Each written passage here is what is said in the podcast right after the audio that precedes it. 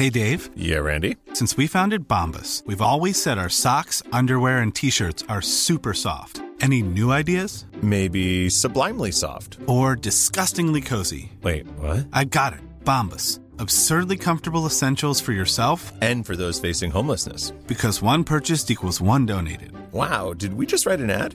Yes. Bombas. Big comfort for everyone. Go to bombas.com slash ACAST and use code ACAST for 20% off your first purchase. Cool fact a crocodile can't stick out its tongue. Also, you can get health insurance for a month or just under a year in some states. United Healthcare short term insurance plans, underwritten by Golden Rule Insurance Company, offer flexible, budget friendly coverage for you. Learn more at uh1.com. There's never been a faster or easier way to start your weight loss journey than with PlushCare. PlushCare accepts most insurance plans and gives you online access to board-certified physicians who can prescribe FDA-approved weight loss medications like Wigovi and Zepbound for those who qualify. Take charge of your health and speak with a board-certified physician about a weight loss plan that's right for you. Get started today at plushcare.com slash weight loss. That's plushcare.com slash weight loss. plushcare.com slash weight loss. I'm Sandra, and I'm just the professional your small business was looking for. But you didn't hire me because you didn't use LinkedIn jobs. LinkedIn has professionals you can't find anywhere else, including those who aren't actively looking for a new job but might be open to the perfect role, like me. In a given month, over 70% of LinkedIn users don't visit other leading job sites. So if you're not looking on LinkedIn, you'll miss out on great candidates like Sandra. Start hiring professionals like a professional. Post your free job on linkedin.com/people today. I don't need a lot of brains in this business. I mean, I've always said if you got an IQ of 160, give away 30 points to somebody else because you don't need it in investments. What you do need is emotional stability. Wow. Very first tech IPO, and it's a big one. Stock market hit an all-time record high today. A crash is coming. Now, whether it's six months from now, 12 months, 36 months, no one knows. There's a bear market about every five years. We've gone eight years without one. People have to realize this is the biggest IPO ever. Välkommen till ännu ett avsnitt av Market Makers. Hur är läget Fabian? Jo, men det är bra. Hur är det själv? Det är bra. Det känns som att börsen verkligen har återhämtat sig starkt och att vi håller på det känns som vi är på väg till att kanske testa nya all time high. Ja, verkligen. Portföljen eh, flyger på, vilket är jäkligt trevligt. Vi pratade om det förra veckan, men eh, Stockholmsbörsen, deras, den här långa, långa uppgången vi pratade om, att det hade varit 14 dagar i rad tror jag att det slutade på. Sen äntligen så fick vi en liten negativ dag där. Eh, men S&P 500 visar ju nya all time highs var och varannan dag, känns det som. Sen är det ju också, kryptomarknaden verkar ju vända upp igen. Ja, det har varit lite härligt. Det har ju varit lite tryck där. Det har varit många som varit ute och pratat om bubbla. Det har varit, eh, kinesiska centralbanken har ju stoppat upp handel med sådana ICO som vi pratade om lite om förra veckan. Och sen inte minst i september när JP Morgans vd Jamie Dimon gick ut och sa att eh, ertappar han någon trader med, eh, som höll på med kryptovaluta så skulle de få sparken. Ja, vilket blir lite roligt då, eftersom de själva håller på att utveckla eh, kryptolösningar. Och eh, jag tror att det var Morgan Stanley som gick ut och sen andra veckan som jobbade där som sa att det var bland de bättre investeringar man kunde göra att investera i blockchain. Ja. Så det, det är delade bud kan man säga. Vad, vad ska vi ta upp i dagens podd då? Idag ska vi prata som vanligt om några, nämna några IPOer som är på gång. Bland annat ett spännande Linköpingsbolag.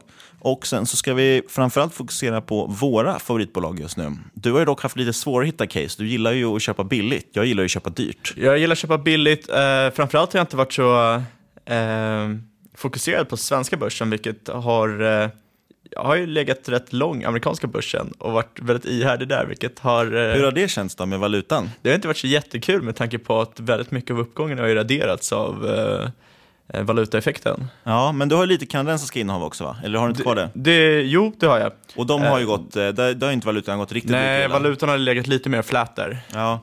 Så att, men vi får hoppas, jag tror att dollarn kommer vända upp. Det känns så rätt mycket att det kommer, det kommer styrkas igen. Sen hur mycket får vi se, men en, en liten del av det där kommer nog återhämta tror jag. Sen har ju eh, Nobelpriset i ekonomi delats ut också. Ja, och vem har fått det? Eh, Thaler.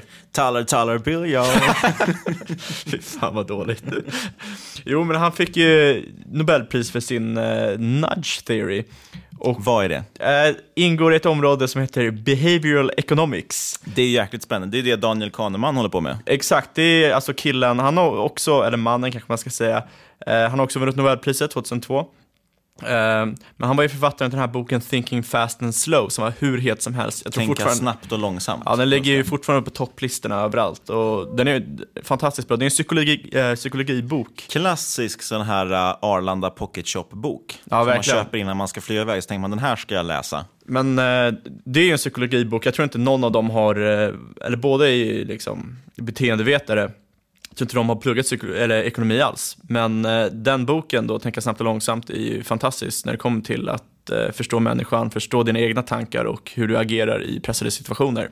Men i alla fall då, då eh, den nudge theory som Nobelpris, eh, Nobelpriset eh, delats ut för är att eh, klassisk makroteori, hoppar in i skolan på ett universitet och ska lära dig ekonomi, nationalekonomi i alla fall, då kommer du eh, det första får lära dig att människan alltid är rationell.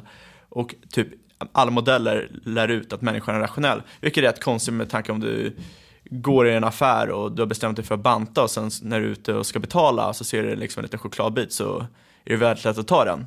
Typiskt exempel på irrationalitet, men man ska ändå anta att eh, människor är rationella. Eh, I alla fall, han, eh, Thaler då kom fram till en eh, grej som heter predictable irrationality. Och det är alltså att människan är irrationell, men de är väldigt konsistenta i sin irrationalitet. Eh, konsekventa va? Konsekventa heter det, consistent mm. på engelska, mm. direktöversättning. Och det betyder alltså att du kan få människor att göra saker utan att de själva vet om att de gör det, för det är undermedvetet. Exempel är eh, pissoarer. Mm. Eh, väldigt många har en tendens att missa, men eh, sätter du en liten eh, stabil fluga på pissoaren så har eh, människan undermedvetet en större sannolikhet att försöka pricka liksom, den pricka flugan. flugan. Ja, det finns ju också det här med brittiska regeringen. De upptäckte ju att fortkörningsböter var inte så många som betalade.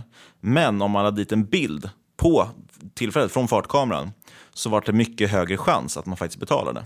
Exakt, och eh, allmänt den här typen av tankesätt och den här teorin äh, används väldigt brett i politik och policy. Obama använde det väldigt mycket när de skulle äh, försöka få till olika typer av policies och används även inom sport. Alltså överlag är behavioral economics är lite obehagligt ibland. Eller all form av eh, beteendevetenskap egentligen. Ja, men samtidigt är det så här, det är väldigt intressant för att det känns väldigt svårt för just nu är det att du applicerar matematiska modeller och ibland fysikaliska modeller. Ehm, men det känns ju väldigt svårt med någonting som människan att korrekt kunna applicera. Det finns så många parametrar och då applicera en matematisk modell snarare än försöka förstå liksom, rationaliteten bakom. Det finns ju många teori, eller det finns ju många begrepp inom, de här, inom beteendevetenskap som, är väldigt, som man använder väldigt mycket och som man faller offer för ofta. Men det är bra att känna till dem. Jag tänker till exempel på confirmation bias är vanligt. Att man, i vårt fall då kanske man väldigt gärna vill läsa om ett bolag i positiva ordalag, till exempel om man redan ligger lång. Så man, vill hitta, man hittar gärna saker som styrker ens tes. Ja, exakt, som bekräftar. Och det är ju det är väldigt, liksom, en väldigt stor grej. Det var ju bland annat lite det som Daniel Kahneman fick Nobelpris för. Eh, han fick för något som heter prospect theory. Och eh, där ingår bland annat något som heter loss aversion. Och det är i stort sett att det känns mer när du förlorar än om du vinner, även om du är samma summa. Ja, så att om du har ett, låt säga en aktie om vi kopplar till det, som har gått upp 10% och en som har gått ner 10%. Det känns mycket mer med de här back, när det har gått back i pengar mm. än när det har gått plus. Eh, det finns massa sådana där exempel. Det finns också sunken cost fallacy, väldigt intressant. Som är att du gärna snittar ner någonting som går dåligt för du känner att ja, men nu har jag ändå lagt ner så mycket på det här och förlorat så mycket på det här bolaget. Eller vanligtvis då lagt ner så mycket tid på den här grejen. Så jag kan lika gärna fortsätta. Och Jag tycker att man kan applicera det just på exempel en aktie. Om den har gått ner så mycket känner man men nu har jag redan förlorat så mycket så det är lika bra att köra på. Liksom. Absolut. Och eh, det, det, är väl kanske vår, den första rekan i podden, det är att läsa den här boken, Thinking Fast and Slow, för de tar upp alla de här kognitiva grejerna, olika typer av bias som uh, man har som människa. Mm, det är uh, riktigt bra faktiskt. Och väldigt mycket har blivit väldigt populär, pop det, det har blivit till populärkultur, så att du har antagligen hört talas om väldigt mycket av det innan. Men ändå, riktigt bra bok. Podden produceras ju av IPO.se som äntligen har lanserats. Vi har fått lite frågor om när de äntligen ska lansera den här sajten. Och nu ska den vara uppe då när det här avsnittet släpps, åtminstone i slutet av veckan. Man vet aldrig riktigt med sånt där. Ja, det är väl i alla fall en betaversion av eh, plattformen eller hemsidan. Exakt, så att gå in på IPO.se. Där kan ni följa allting som rörs, rör börsintroduktioner och nya emissioner och annat. Eh, det är en riktigt, riktigt bra sajt. Vi har ju testat den innan den släpptes faktiskt, och det, det är jäkligt intressant. Dessutom kommer ni givetvis få alltid de senaste poddavsnitten Det är också. grymt att ha väldigt fräsch sida, ha allting tillgängligt, all information du behöver när det kommer till IPOs och nya emissioner. Exakt. Så gå in på ipo.se. Men vi har ett bolag vi ska prata om den här, eh, den här dagen och det är ett bolag som heter Indentive som är Yes. från Linköping. Linköpingsbolag. Och det är i stort sett det är ett IoT-bolag. Och IoT, Internet of Things. Exakt, det är ju sjukt populärt nu. Ehm, det de gör, eller som jag har förstått det Niklas, det är att de är från början är de ett konsultbolag som har insåg, oj det här med IoT är en väldigt het grej. Ehm, så det de gjorde var att ta sin kompetens och börja utveckla en plattform som heter Connective. Eh, och i stort sett ska du kunna integrera sensorer med smartphones och eh, med hjälp av detta ska du samla in eh, data med hjälp av pattern recognition, automation, AI, alla de här häftiga, coola buzzwordsen. I grunden är det ju fortfarande ett konsultbolag på sätt och vis. För det de gör till stor del, en stor del av affärsverksamheten, är att de tar emot just konsultjobb att bygga IoT-grejer. Mm. En, en uppmärksammat case som de gjorde som var rätt intressant, det var ju till Veronica Maggios, hon hade någon konsert eller turné eller vad det var. Eh, och då byggde ju de en app till exempel som gick syn- synkades eh, mot konserten. Så att i en viss låt till exempel kanske du skulle hålla upp telefonen och då skulle det vara vissa färger där så synkades allas telefoner. Eh, Så sådana grejer har Det är jäkligt ballt. Ja, det är rätt intressanta grejer. Sen är väl inte den typen av grejer det mest inkomstbringande, men det är en del av vad man kan använda deras tjänster till. Ja, sen ska ju också du kunna ha, de vill ju att liksom alla dina prylar i hemmet ska connectas till varandra. Så till exempel när du glider in i köket på morgonen, lite morgontrött, Eh, så ska ljuset där vara, liksom dimmas och ska sätta på någon soft låt, kanske lite Coldplay, så det kommer in en mysig morgonstämning. Och, grejen är att det gör ju liksom inte samma sak för alla utan det anpassas ju. Det är i alla fall det de strävar efter och det är det de vill ta in pengar för nu, är att kunna utveckla och expandera sitt IoT-koncept. Enligt McKinsey då så ska fram till 2025 ska IoT-marknaden i sämsta fallet dubbleras. Så det ger ju liksom en typ av växt, eh, växtmöjligheter Det där. är en stor strukturell tillväxt i den marknaden, så är det absolut. Eh, bolaget har även blivit utnämnda till Digital Gasell av eh, Dagens Industri, vilket är en... De har ju det här årets Gasell och Digital Gasell är en del av det. Och det, är, det är en ganska prestigefullt pris ändå. De har ju haft en omsättningstillväxt på runt 50 procent från 2015 till 2016. Så det är ett bolag som växer väldigt mycket. De växer också med stor andel anställda. Men sen visar de ju fortfarande inte så mycket på resultat. De går fortfarande med plus, men inte jättemycket. Och det är väl det enda man kan se, att kan de vända det till vinst? Troligtvis så lägger de väldigt mycket pengar på investeringar i dagsläget. Det kan också nämnas att bolaget värderas pre-money eh, till 69 miljoner kronor. Pre-money innebär då alltså innan den här emissionen har gått igenom. Efter den kommer de få ett annat pris, eh, beroende på hur mycket aktier de får in, eller hur mycket pengar de får in. Eh, det ger ett price to sales på 2,8, det vill säga för, vilket betyder alltså att du får betala en, ungefär 3 kronor för varje krona de har i omsättning. Teckningskursen är 18 kronor per så kallad unit. En unit innebär i det här fallet att du får en aktie och en teckningsoption. Har du fem teckningsoptioner så ger det dig rätten att teckna en aktie vid en framtida emission. Eh, så det kan vara något att du, för de kommer antagligen vilja ta in mer pengar i framtiden. Så det är bra att veta, en aktie plus en teckningsoption, fem optioner ger dig rätt att teckna en aktie senare. Eh, det tecknas mellan den 6 till 20 oktober. Eh, så det är bara att gå in på din nätmäklare och signa upp om det låter intressant. Så, sen ska vi prata lite om våra investeringstankar. Eller vi har ju lovat att vi ska ta ut våra favoriter på Stockholmsbörsen, men du har ju inte hittat någon favorit och jag hittar inget på Stockholmsbörsen. Totalt misslyckande. Men Niklas, vad, vad kollar du på när du ska plocka ut ett bolag? Jag tittar ju väldigt mycket på tillväxt. Och det är där jag tror vi två skiljer oss lite hur vi, hur vi investerar. Vi investerar ju bägge hyfsat långsiktigt. Eh, Men min bild är att du är lite mer av en värdeinvesterare och jag är lite mer av en, en tillväxtinvesterare, blir det på svenska. Growth investor brukar man ju säga. Ja, i alla fall jag, jag investerar där jag ser värde. Jag tittar ju en del på värderingar sådär just, men jag är inte jätteintresserad egentligen av jag kör ju inte Warren Buffett-stil, att man försöker hitta bolag där du betalar mindre price to book. Alltså du betalar mi- mindre för tillgångarna de äger. Så att du ska kunna tjäna pengar på den vägen. Jag tittar heller inte jättemycket på deras multiplar, om de är intressanta. Utan det som är väldigt intressant, det är om de har haft en längre tillväxt. Om de kan hålla en hög tillväxttakt. Och framförallt då tycker jag inte ta ett return on equity. Alltså avkastning på eget kapital är väldigt intressant. För det är det jag skjuter till som aktieägare. Jag, stoppar ju in, jag äger ju en del av kapitalet i bolaget. Och det är det jag vill ha avkastning på. Ja, du vill ju helst att de ska avkasta bättre än vad du själv skulle kunna göra om du bara slängde in det i indexfond. Exakt, så jag, jag tittar gärna på vad, vad tycker jag är en rimlig avkastning eller åtminstone vad är, vad är börsens rimliga avkastning och så vill jag gärna att de ska slå det. Så de flesta bolag jag äger har ju ofta någon, en return on equity på mellan kanske 20 till 50 procent i bästa fall. Då. Eh, och sen tittar jag faktiskt lite, jag är ju lite så jag är inte så jäkla duktig på det kan jag inte påstå, men jag tittar en del på tekniskt också. Jag vill att de ska ha momentum. De ska ligga i en, i en uppåttrend och eh, på kort sikt kan man även titta på om det är överköpt eller översålt, även om jag tar lite mindre hänsyn till det. För jag har en tendens att pricka en liten topp, sen gärna dipp, sen är det bara att hålla ut över dippen och sen så brukar det fortsätta uppåt. Då. Ja, du brukar ju vara rätt duktig på det. Jag kollar väldigt lite på tekniskt. Ehm, man borde egentligen kolla lite momentum när man ska glida in för att se hur det är. Jag är väldigt dålig på det. Ehm, jag brukar ha någon typ av strukturell makrotänk när jag ska gå in. Eh, jag gillar att, alltså, jag gillar att liksom, tänka på framtiden, vad kommer hända, vad kommer inte hända, vad är best och worst case scenario. Eh, så man får liksom en, eh, vad tror man kommer, liksom, hur samhället kommer se ut om 20 år? Få lite av den inputen, tänker, ja ah, men vad kan det finnas för bolag? Inom det här området?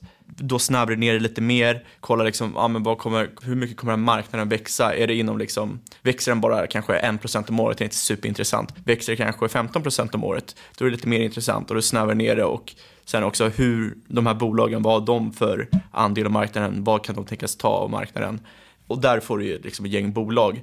Utifrån det kan du ju skapa någon typ av värdering på det, kolla vilka är undervärderade, vilka är rätt värderade, vilka är övervärderade. De behöver inte nödvändigtvis vara undervärderade för att jag ska vara intresserad. De måste bara ha mycket potential. Jag kan mycket, jag kan mycket väl, för när man snackar undervärderat och övervärderat, då kan man tänka ah, undervärderat under P15, alltså price to earnings, eh, övervärderat är liksom 100, eh, P200. Det spelar ingen roll, jag kan lätt hoppa in i ett bolag som har P eh, som är tresiffrigt. Men då måste tillväxten vara det. Tillväxten i eh, kassaflödet eller tillväxten i vinsten, då måste den ligga på typ 40-50%. Och där kan vi bara nämna att det finns ett intressant nyckeltal som kallas för PEG-tal. Det är ju både du och jag lite kära i det där PEG-talet. För att ta med alltså PE, PE är ju priset delat på vinsten i bolaget. Vad betalar du för varje krona i vinst? Eh, och sen så delar du det ytterligare en gång på tillväxten i vinst. One size fits all seems like a good idea for clothes until you try them on. Same goes for healthcare. That's why United Healthcare offers flexible, budget friendly coverage for medical, vision, dental, and more. Learn more at uh1.com. Since 2013, Bombas has donated over 100 million socks, underwear, and t shirts to those facing homelessness if we counted those on air, this ad would last over 1,157 days. But if we counted the time it takes to make a donation possible, it would take just a few clicks. Because every time you make a purchase, Bombas donates an item to someone who needs it. Go to bombas.com slash ACAST and use code ACAST for 20% off your first purchase. That's bombas.com slash ACAST, code ACAST. Quality sleep is essential. That's why the Sleep Number Smart Bed is designed for your ever evolving sleep needs. Need a bed that's firmer or softer on either side? Helps you sleep at a comfortable temperature? Sleep Number Smart Beds let you individualize your comfort so you sleep better together. JD Power ranks Sleep Number number 1 in customer satisfaction with mattresses purchased in-store. And now, save 50% on the Sleep Number limited edition Smart Bed for a limited time. For JD Power 2023 award information, visit jdpower.com/awards. Only at a Sleep Number store or sleepnumber.com. I'm Sandra, and I'm just the professional your small business was looking for, but you didn't hire me because you didn't use LinkedIn Jobs. LinkedIn has professionals you can't find anywhere else, including those who aren't actively looking for a new job but might be open to the perfect role, like me. In a given month, over 70% of LinkedIn users don't visit other leading job sites. So if you're not looking on LinkedIn, you'll miss out on great candidates like Sandra. Start hiring professionals like a professional. Post your free job on linkedin.com/people today. There's never been a faster or easier way to start your weight loss journey than with PlushCare.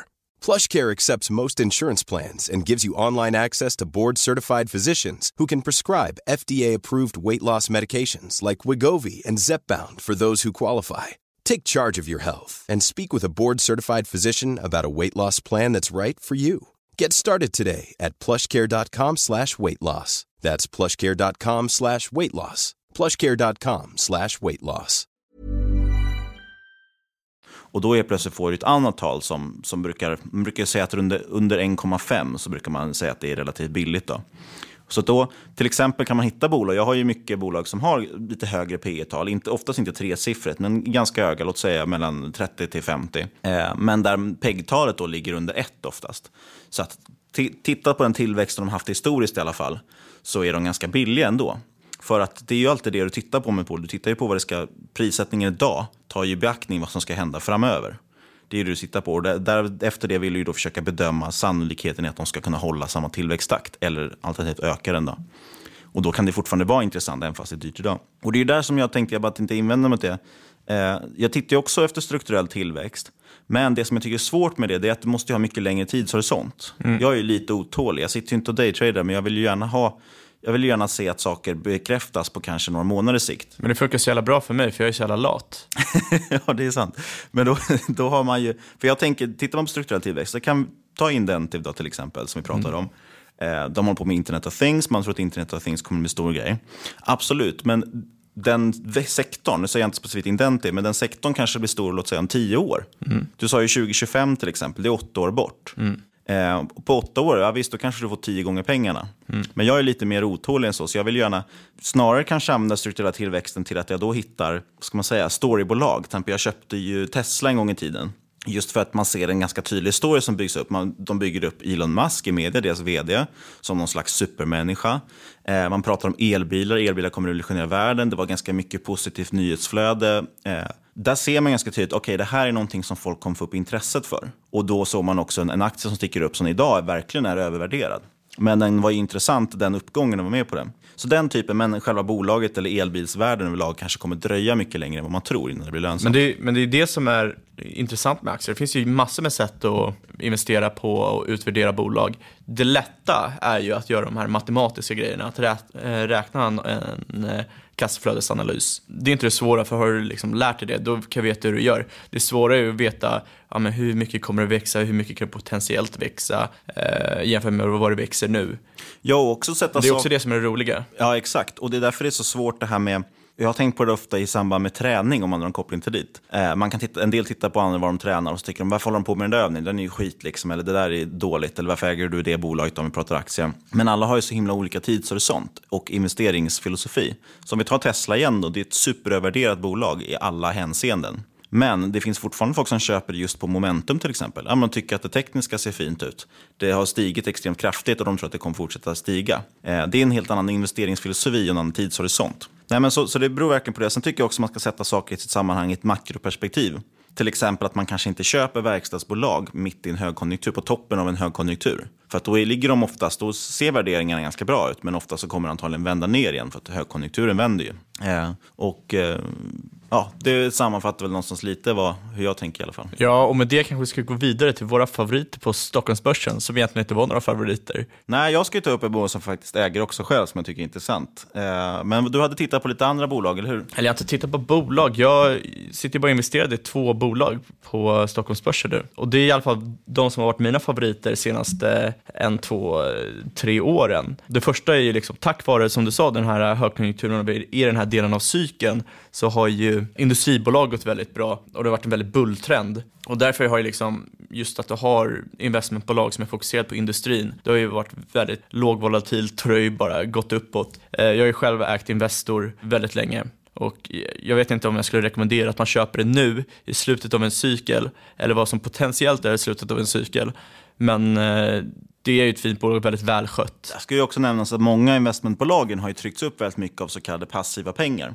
Just för att Spiltan har ju haft den här investmentbolagfonden som har blivit väldigt, väldigt stor. Vilket då trycker in pengar i de här investmentbolagen utan att egentligen veta vad man köper. Absolut. Och många av de här evangelisterna som har gått ut och, och predikat aktiesparande till alla pratar ju ofta om att man ska alltid börja med enkla, säkra bolag och då nämner man alltid investmentbolag som att det ska vara ett första steg. Ja, det är, man, man ska aldrig ta någonting som är säkert. Aktier är aldrig säkert. Aldrig Nej, du får ju betalt för pengar. att du tar risk. Exakt. Och så här, sen snackas det mycket om det här med substansrabatt och substanspremie. Det är alltså, betalar du mer eller mindre för investmentbolagen som äger aktierna än om du hade ägt aktierna själv? Betalar du mindre för investmentbolaget då så får du en substansrabatt. Eh, som, låt säga att Investor äger aktier för 100 kronor, men Investor-aktien kostar bara 90 kronor. Då har du 10% substansrabatt. Exakt, men då är den stora frågan, spelar den här substansrabatten egentligen någon roll? Aktierna är så högt värderade, speciellt i de sektorerna, eller den sektorn egentligen, det är i stort sett bara industribolag som typ Investor och Industrivärden äger. Det är en stor fråga.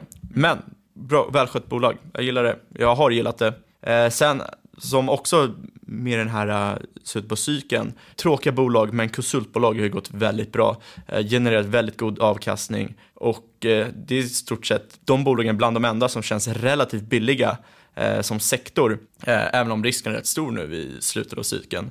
Och varför har de gått så bra? Jo, det är för att det har varit högkonjunktur och det har anställts många konsulter, vilket har pumpat upp värderingar, fått in mycket kassaflöden i bolagen som har tryckt ner jämförelsetalen, jämförelsenyckeltalen. Och eh, mm. finns ju liksom en mängd olika, det finns ju Softronic som är ett svenskt IT-managementbolag, eh, finns Knowit och sen finns det min favorit, jag vet även att den har håsats väldigt mycket senaste, eh, senaste halvåret, så jag väldigt, vill egentligen inte prata så mycket om det, Ework, konsultmäklarna. Eh, och de kopplar ihop företag med konsulter. De har väl en P på 24 ungefär. Eh, de negativt kassaflöde, men det är för att de tar emot, de tar alla eh, fakturor eh, och betalar på dem innan de får in pengar själva för att hålla en rullning och eh, kunna leverera så god service som möjligt. De har stigit 40% i år och 160% de senaste tre åren. Jo, men som du nämner, konsultbolagen dras ju med av högkonjunkturen. För att när det är högkonjunktur, när det är mycket verksamhet på gång, så vill man ju, drar man ju ofta in konsulter sen är, de, sen är de oftast väldigt hög så här, return on eh, equity också, som du snackade om tidigare, eh, vilket är väldigt trevligt. Ja, det finns ju, det ska man alltid, det är också som är intressant när man tittar på bolaget, man måste ta också in vilken bransch de verkar i. Och just när vi pratar om investmentbolag bolag så tittar man ju princip aldrig på PE och sådana saker till exempel. För det är ganska ointressant med vinsten. Utan där är det mycket mer intressant med de underliggande tillgångarna, vad de är då. Om man kollar till exempel på substansrabatt och så. Eh, när det gäller konsulter så är det ju vissa nyckeltal också som blir lite konstiga. Eller konstiga, men det är vissa nyckeltal som ofta ser ut på visst. Till exempel är det ju extremt svårt att hitta ett eh, konsultbolag med hög vinstmarginal. För att de har ju alltid det problemet att varje konsult drar in ett visst antal Eh, kan arbeta ett visst antal timmar och dra in ett visst antal kronor. Så enda sättet att få tillväxt är ju egentligen genom att ta in fler konsulter. Eh, men å andra sidan så brukar de ha ganska bra kassaflöden. De brukar ofta vara högutdelare, många konsultbolag. Ja, absolut. Jag vet till exempel, jag själv ägt förut ett bolag som heter SJR, eller SGR kanske, in Scandinavia, eh, som är ekonomikonsulter. Då, som har delat ut mellan, haft mellan 67 procent direktavkastning och varit liksom ett bra stabilt bolag, men ganska ointressant, ointressant annars. Ja, och eh, det case jag tänkte lyfta framför allt, och det hänger ihop lite med det här, en grej som jag, inte, som jag glömde bort att säga här när vi pratade lite om investeringsfilosofi. Jag har ju som sagt inga problem med att köpa högt. Man har ju till och med sett att det är en bättre investeringsstrategi oftast att köpa på all time highs än att köpa på all time lows. För det man brukar säga lite klyschigt är att anledningen till att bolagen är övervärderade eller går uppåt det är ju för att det är bra bolag som man vill äga. Och i det här fallet har jag kollat på Fortnox. Eh, känner du till dem? Yes. Man tänker ju på det framförallt som bokföring, men de gör ju väldigt mycket annat. Eh, de har hållit på sedan 2001. De gör webbaserade ekonomiprogram. Till exempel, de har liksom hela kedjan med redovisning, fakturering, säljstöd, tidsredovisning, löneadministration och annat. Eh, och både det här och det här vi pratar om med konsultverksamhet, det har ju också en form av strukturell tillväxt i det här the gig economy. Exakt, och det var därför jag hamnade in på det här med, när jag köpte e-work från första början, var att jag gjorde någon typ av liksom, makrotrendfölje och det var, ju, det var ju där man kom in. Eh, jag, jag tror ju alltså absolut i framtiden att fler och fler kommer jobba som konsulter. Det ser man ju själv när man och jobbar också, att det, det blir ju bara mer och mer konsulter mm. överallt. Eh, och man har kompisar som blir konsulter. Och, och grejen med det här då, att det är väldigt många som, eh, vi, vi pratar ju även om det här med gig economy för men när vi pratar om frilansfinans i något tidigare avsnitt. Det är en del av den strukturella tillväxten, men sen är det också så, Fortnox, om vi går tillbaka till dem, de har ju samarbete med PWC, EY, Deloitte, KPMG, alla de stora i princip redovisningsbyråerna. Men eh, Fortnox har idag 155 000 kunder alltså 155 000 företag då, i princip, eh, av Sveriges totalt 1,1 miljoner företag. Och det här är ganska intressant. Av de här 1,1 miljoner företagen är 99,9 procent små och medelstora företag med mindre än 250 anställda. Mm. Så det blir de här- vanligare att man outsourcar eh, sånt och backoffice och allt möjligt. Ja, delvis det, men också det här att vi har en bild ofta av att det finns så mycket storföretag. Vi tittar på Volvo, Ericsson, H&M, många av de här stora börsbolagen Mm. också. Eh, De utgör alltså 0,1 procent egentligen av, av Sveriges företag om man tänker antalet. Sen är det också så att 74 procent av de här 1,1 miljoner företag är enmansföretag. Det är alltså mer än tre fjärdedelar av Sveriges företag är enmansföretag. Och det är den här typen av bolag som kanske gör sin bokföring själv. Och utöver det så är det dessutom ungefär 22 procent som är mikroföretag, kallas det, alltså en till nio anställda. Så nästan alla företag i Sverige är mindre än tio anställda. Och de behöver ofta ganska enkla program. Eh, och då är det många som rör sig till Fortnox, så där finns det en väldigt stor marknad att växa i. Det är det jag vill komma fram till i det här långa utlägget. Eh, affärsmodellen bygger ju på repetitiva intäkter där kunderna abonnerar på programmen och betalar en månatlig avgift per användarprogram. Sen har man även börjat med någonting, ett dotterbolag som heter Nox Finans, som jag ska prata lite om, där man erbjuder finansiella tjänster, man tar till exempel företagslån och fakturaköp och sådana saker. Men överlag är det ganska intressant just att man, man lyfter ofta folk, in folk i den här bokföringsdelen. Det är där man börjar, för det är någonting man måste göra. Och när du startar företag så frågar du ofta de runt omkring dig, vad använder, hur gör du med bokföring? Liksom? Eh, och då är det väldigt lätt att någon annan använder Fortnox och då kommer de berätta för dig att du ska använda Fortnox och sen så är du inne i ekorrhjulet. Eh, och när du är inne i det dessutom så börjar de då putta ut sina nya produkter som säger, ja men ah, har du fått några anställda, du kanske ska ha timrapportering, använd det här och sen så bygger du vidare på hela produktutbudet. Så det är ett väldigt smart system. De har också blivit nämnda för ett här Gasellföretag. De har fått det fyra år i rad, har de blivit utnämnda till Gasellföretag DI. Eh, och två år i rad utsett till ett av Sveriges superföretag av Veckans Affärer.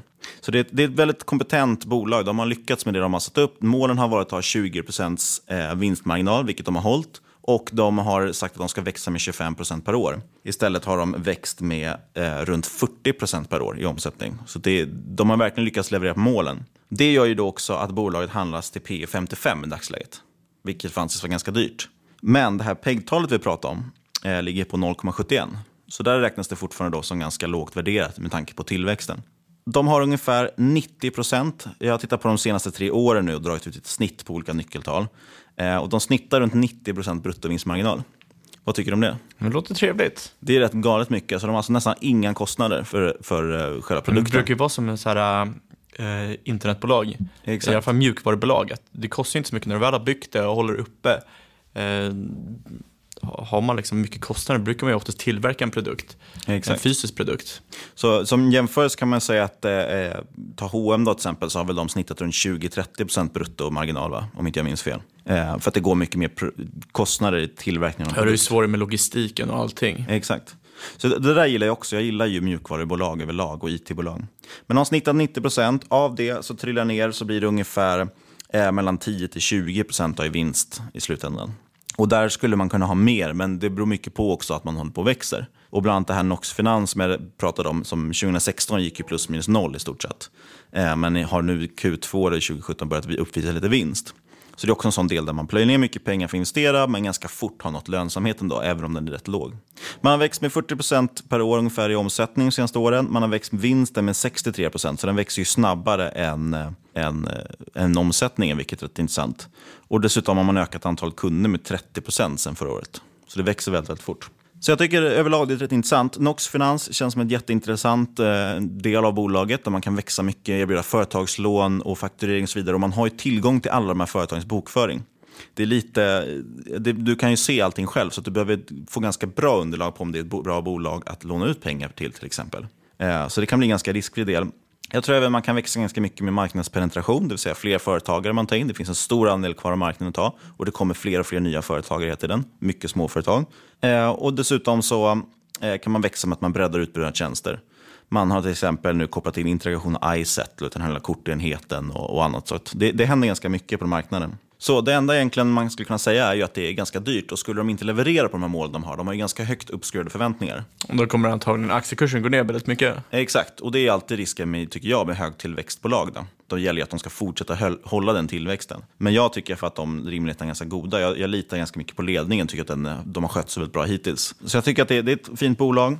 Tekniskt då så är de ju också väldigt starkt uppåttrend. Eh, på kort sikt ganska överköpta. Då. Eh, så det kan ju vara någonting om man vill vänta in en liten dipp. Men troligtvis kommer att fortsätta upp i det här klimatet känns det som. Mm. Så det var väl det. Sen eh, har vi inte så mycket mer egentligen för det här avsnittet. Vi kommer fortsätta dra in lite sådana här analyser ibland också och, och lite köprekar. Ja, alltid kul. Jag Eh, kanske kommer hitta fler än det eftersom jag gillar att köpa dyrt. Då. ja, vi får se. Sen har vi fått in väldigt många, många glada kommentarer och recensioner om att eh, folk som gillade det här avsnittet gjorde om centralbanker. Så det kanske kommer bli fler sådana avsnitt också där vi går igenom lite mer sådana, ska man säga, inte koncept, men grejer som folk kanske vill, behöver veta lite mer om. Ja, det absolut roligaste är att komma med lite mer skruvade case, som kanske inte är bolagscentriska, det är också jäkligt kul, men eh, kanske med lite mer allmän makrocase. Exakt. Så att, eh, men hör gärna av er också vad ni vill höra. Ni får jättegärna skriva recensioner på iTunes. Skicka mejl till podcast.ipo.se. Ni kan skriva, berätta vad ni vill. Berätta hur det har gått för er portfölj i år kanske. Så ska vi se om vi kan kontra. Det är bra. Twitter har vi också. Twitter har vi också. At marketmakerspod. Är bara att skicka till. Och tack igen till ipo.se för att vi får göra den här podden. Vi hörs om en vecka. Ja, ha det bra. Tills dess.